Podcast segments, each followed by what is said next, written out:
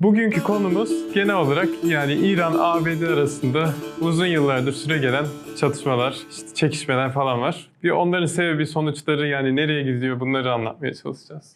Ha başlayalım. Niye çatışıyor İran'la ABD? Bunu anlamak için tabii ki 79 devrimine gitmemiz lazım. 79 devriminden sonra bu iki ülke arasında iki mesele çıkıyor. Yani bunun öncesinde şey değiller. Araları kötü değil doğru düzgün. Yani arada bir kötüleşiyor tabii şey gibi düşün. Bir diktatörlük var. İran'dan bahsediyorum. Bir de Amerika var. Hani Amerika'nın bazen Mısır'la arası iyi oluyor bazen kötü oluyor. Yani öyle 79'dan önce İran'la ilişkisi de öyle. Ama 79 devriminden sonra mevzu kopuyor. Yani niye kopuyor? İdeolojik olarak birbiriyle neredeyse taban tabana zıt iki ülke çıkıyor ortaya.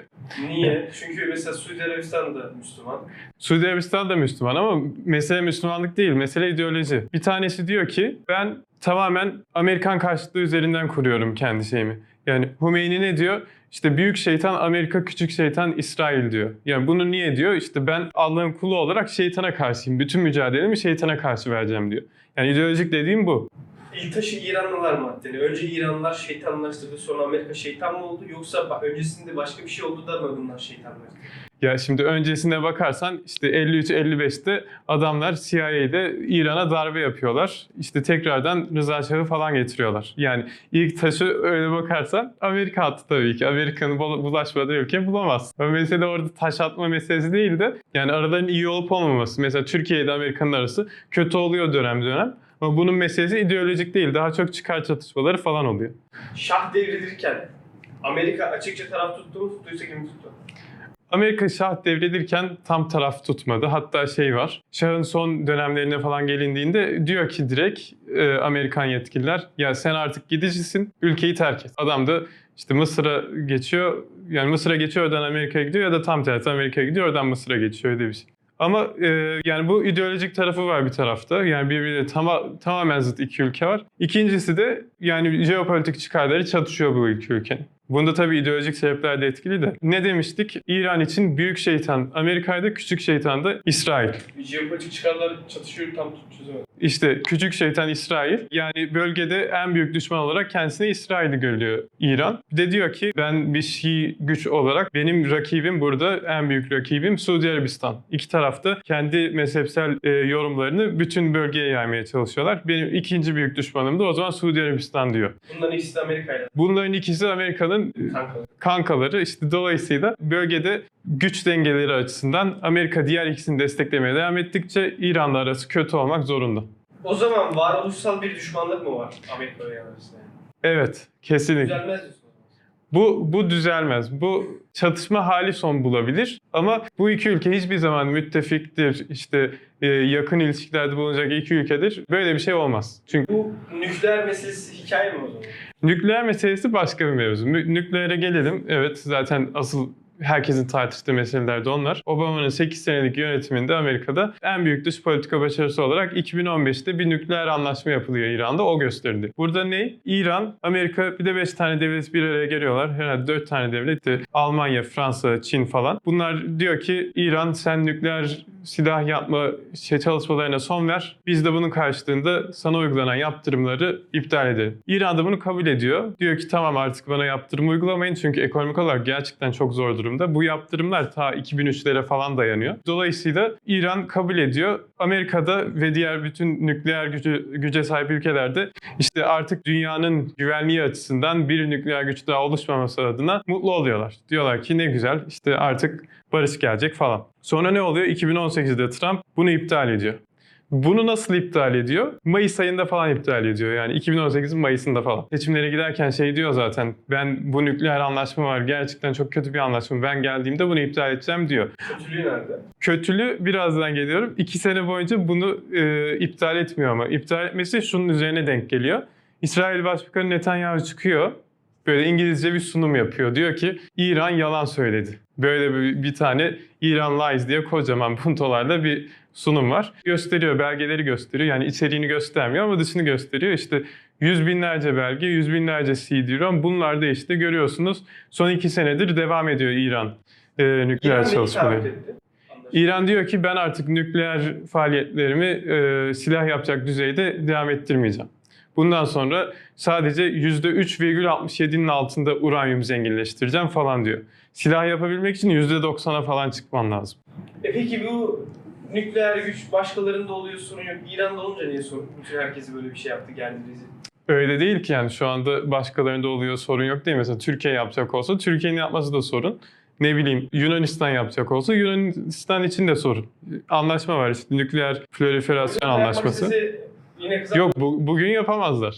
Yani, yani Hollanda zaten yapmasına gerek yok. İşte ben de oraya geliyorum. İran niye 2003'te bu faaliyetlerini iyice arttırıyor? Yani aslında İran'ın ta bu. Bu nükleer çalışma işleri ta 70'lere falan dayanıyor. Arada bir şah da gaza geliyor işte ben şey olacağım. Dünyanın güçlü ülkelerden biri, biri olacağım. O yüzden nükleer silahla ihtiyacım var falan diyor. Ama sonra vazgeçiyorlar. Böyle arada kaynıyor süreçler falan. 95 yılında mesela yaptırımlar yine var. Bill Clinton döneminde yaptırımlar geliyor. Ama sonra Hatemi yönetimi işte böyle daha ılımlı bir İran falan bunlardan vazgeçiyorlar. Ama 2003'e geliyoruz. 2003, 2005 falan Ahmadinejad geliyor. Ahmadinejad yönetimi böyle şey birazcık daha sert, radikal böyle İran'ın Şahin kanadını temsil eden bir ekol. Adam diyor ki kardeşim sağımda Afganistan var, solumda Irak var. Bunların ikisine de son 3-4 senede girdiniz. Amerika'yı kastediyor. Ben şu anda size kesinlikle güvenmiyorum. Hani tıpkı şeydeki gibi Pakistanlılar korkuyor ya Hindistan bize saldıracak diye. Bir kendini güvence altına alması lazım deyip nükleer silah yapıyor. Ahmadinejad da aynı kafada yani İran'da da aynı kafa var. Diyorlar ki biz kendi güvenliğimizi ancak böyle sağlayabiliriz. Biz nükleer silah yapacağız. Başka çıkış yolu yok. Sen İran'ın korkusunu meşhur mu buluyorsun? İran'ın bu korkusu meşru bir korku. Peki İran gerçekten korktuğu için mi yapıyor? Yoksa daha emperyal emeller var. İşte bölgede gerçekten tehlikeli olabilecek bir aktör. Amerika aslında İran'dan çekinmekte haklı. İran'a güven olmaz. Bunlar nükleer elde ederse dünyanın başına bela olabilirler. Neticede belirsiz bir rejim falan. Şimdi İran nükleer silah yapsa yapacağı silah belli. Yani hani bir tane nükleer silah yapacak, onun balistik füzesini falan filan ne kadar güçlü bir şey yapacak, kime tehdit oluşturacak bunlar hep soru işareti.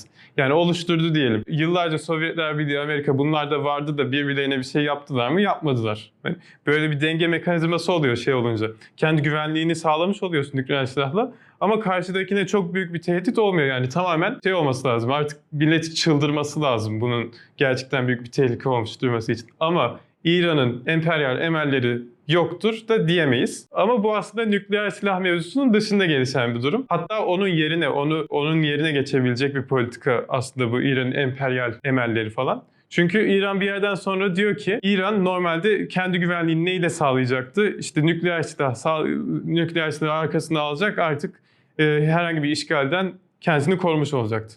Bunu yavaş yavaş değiştiriyor. Diyor ki ben savunmamı dışarıda yapacağım. Yani ben savunmayı saldırarak yapacağım biraz. Hani en iyi defans ofanstır gibisinden. Biraz e, öyle bir psikolojiye giriyor. Fırsattan da istifade ediyor bayağı. Yani daha doğrusu fırsatlardan istifade ediyor. Önce ne yapıyor? İşte 2003'te Irak'a giriyor Amerika. Amerika'nın çıkması 2008-2009. Ne yapıyor? Hemen orada artık Şii güçlerin birazcık daha etkili olabileceği bir ortam oluşuyor. Oraya destek veriyor. Oraya e, destek veriyor. Hem siyaseten hem askeri hem ekonomik olarak. Sonra bir tarafta 2006'da falan Lübnan'da İsrail arasında mücadeleler yaşanıyor. Zaten en başından beri Hizbullah'la bayağı sıkı fıkı olan İran artık iyice Hizbullah'ın kontrolünü tamamen eline geçiriyor gibi. Yani onun alt branşına dönüşmüş oluyor Hizbullah bir bakıma. Sonra Arap Baharı yaşanıyor. Suriye'de görüyorsunuz adamlar oraya giriyor. İşte Yemen'de Husiler diye bir grup çıkıyor. Onları desteklemeye başlıyor. Böyle ne, böylece ne yapmış oluyor? Amerika'nın bölgedeki en önemli iki müttefiki Suudi Arabistan'ı ve İsrail'i bir bakıma kilitliyor. Yani sağlarında, sollarında, her taraflarında şey var, tehdit oluşturuyor. En son işte birkaç hafta önce Suudi Arabistan'ın 11 Eylül'ü diye geçen bir Husilerin bir saldırısı olmuştu. Böyle büyük saldırılara da sebebiyet verebiliyor artık. Yani dolayısıyla artık adamların mantalitesine benim artık nükleer silaha o kadar ihtiyacım yok çünkü ben savunmamı dışarıda yapabiliyorum. O yüzden bana bir tehlike oluşturacak olsa ABD ben hemen buralara saldırabileceğim. Dolayısıyla bir caydırıcı gücüm var dışarıda diyor. Bundan dolayı yani bu mantalite bir de ekonomik olarak artık toparlanma isteği 2015'teki anlaşmayı getiriyor. Sonra Trump da diyor ki aynen bu mantığı güdüyor. Diyor ki kardeşim Bunlar artık zaten nükleer yapacak mıyız, yapmayacak mıyız belli değil. Biz bir tane işte 2015 nükleer anlaşması diye bunlara bir anlaşma verdik. Yani hem parayı kazanıyorlar şimdi, ekonomik yaptırımlar yok. O parayı alıyorlar, Hizbullah'a işte Husilere falan destekte kullanıyorlar. Bir de üstüne üstlük bizim işte bütün yani bölgedeki çıkarlarımıza aykırı işlerde bulunuyorlar diyor. Dolayısıyla iptal ediyor. Yani Trump'ın da derdi şey değil. Yani İran'ı işgal edelim falan filan değil. Yani o fırsat eline geçti. Adam işgal etmedi bayağı. Dedi ki burada binlerce insan ölecek. Ben böyle bir şeyi göze alamam. Hatta bundan dolayı Amerikan yönetiminden insanlar işte güvenlik şefleri falan kovuldu. Yerine başkaları falan geldi. Yani dolayısıyla Trump'ın derdi de yeni bir anlaşma yapmak. Ama bu anlaşmayı öyle bir yapmak ki şeyi de engellemek. Artık İran'ın sağda solda milis ya da işte vekil olarak adlandırdığımız uzantılarına da bir son vermek. İran ekonomik gücü olmadan nasıl bu kadar iş yapabildi bu coğrafyada? İran'ın ekonomik gücü ne kadar yok desek de doğalgazı var, petrolü şöyle böyle bir şekilde var. Yani bunlar da adamlar bir şekilde idare ediyor. Ama şurası çok önemli. Aynı yaptırımları sen demokratik bir ülkeye mesela Türkiye'ye uygulasan imkanı yok ki o yönetim başta kalsın. Yani adamlarda bir teokrasi var. Seçimler falan da var. Onunla Cumhurbaşkanı falan seçiyorlar. Şey inançlı var. Halkın inancıyla alakası yok. Halk e, şey var işte 2009-2010'da Yeşil e, Yeşil Hareket var. İşte 2018'lerin başlarında hala devam eden bir sürü gösteri var. Bu gösterilerin yarısı ekonomik sebeplerden, yarısı da işte özgürlüklerimiz falan ihlal ediliyor sebeplerinden dolayı çıkıyor. Böyle olsa bile demokratik bir sistem olmadığı için ülkede halkın bu talepleri falan bir yere kadar etkili oluyor. Adamlarda çok sert bir devrim muhafızları var. 79'dan beridir adamlar gücü elden bırakmamışlar. Gittikçe güçleniyorlar. Yani devlet iyice oturuyor şeyde. İran'da eğer halkın elinde güç olsa İran İslam devletini yok ed yıkar mı diyorsun? Devrim olur? Orasını bilemem ama bir şey, şeyi Bu söylerim. yüzden söylüyorum ben. Halkın sisteme inancı ne düzeyde? Yani belki ekonomik rahatsızlıkları vardır, bu olur. Ama rejim değişsin diyorlar mı? Halk e, eski eski şey gibi bakmıyor olaya. Hani mesela 80-88 arası İran-Irak savaşı vardı. O zaman mesela herkes kenetleniyor. Çünkü ne? Ülke işgal ediliyor.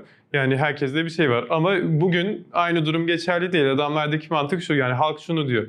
Sen benim ekmeğimi benden alıyorsun, gidiyorsun Irak'ta, işte Suriye'de, ne bileyim Lübnan'da Şii milislere veriyorsun bu parayı. Oralarda savaş gidiyorsun. Yani ne alaka? Bizim yani açlıktan kıvranıyoruz. İşte enflasyon olmuş %400 falan. Yani adamı Amerika'nın yine de saldırgan tutumu İran kamuoyunda bir mevcut sisteme, hükümete desteğe dönüşmüyor mu? Tabii dönüşüyor tabii. Mesela 2015 anlaşmasından çekilmiş olması İran'daki ılımlı kanadı büyük bir zayiata uğrattı. Çünkü adamlar şey diyordu. Yani bunlar bizimle şey olarak böyle damardan düşman değil. Yani oturup müzakereler sonucunda bir, bir şekilde bir e, ortak bir yol güdebiliriz yani. Bir konsensüs bir şeye ulaşılabilir diyorlardı ama e, ne oldu 2015 anlaşmasından çekilmek şey için Şahin kanat için şey gibi göründü. Yani bunu çok büyük avantajı çevirdiler. Yok biz ne yaparsak yapalım Amerika'nın gözünde her zaman birinci düşman olarak kalacağız. Dolayısıyla siz bizim arkamızda olmanız gerekiyor. Yani tamamen kenetlenip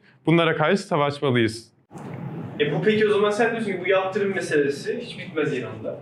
İran rejimi değişmedi sürece.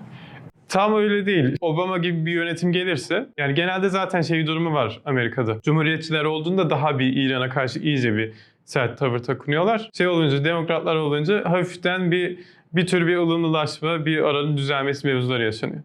Şimdi tabii demokrasi değil sonuçta İran ama yine de halk halkın talepleri bir şekilde bir önem kazanıyor. Yani sıfır hiçbir şekilde etkisi yok diyemeyiz. Dolayısıyla ve bu adamlar da sonuçta halklarına eziyet çektirme gibi bir dertleri yok. Dolayısıyla olabildiğince e, bir müzakere alanı ortaya çıkabilir. Ama şu anki yönetimde o olabilir mi? Hiç sanmıyorum. İki tarafta yani şu anda hem ABD'de hem de İran'da tamamen birbirine zıt ve bunun üzerinden oyda devşiren iki sistem var. Bir sene sonra da şey var, seçimler var. Seçimlerde muhtemelen İran'ın e, Şahin kanadı iyice bu yaptırımlar meselesinin üzerine yüklenecek. ABD'de zaten Trump e, İran düşmanlığından gerekli oy falan alıyor. Yani dolayısıyla en azından bu seçimlerin sonuna kadar hiç öyle bir yeni bir gelişme olacağını düşünmüyorum. Yani olumlu anlamda yeni bir şey olmaz. Ruhani şey mi, Şahin mi? ılımlı. O da ılımlıydı. Gel, gelirken ılımlı diye geldi. Adam işte şeyden çıktıktan sonra bu e, şeyden nükleer anlaşmadan ABD çıktıktan sonra işte birkaç bir ay falan önce bu Birleşmiş Milletler konuşmasında öyle bir konuşma yapıyor ki yani 5 sene öncenin en şahine öyle bir konuşma yapmaz yani. İran'da da herkes şeye doğru kayıyor. Yani anti ABD'ciliğin uçlarına doğru kayıyor yani. Onlarda da şey var. Durumdan etkileniyorlar. Dinlediğiniz için teşekkürler arkadaşlar.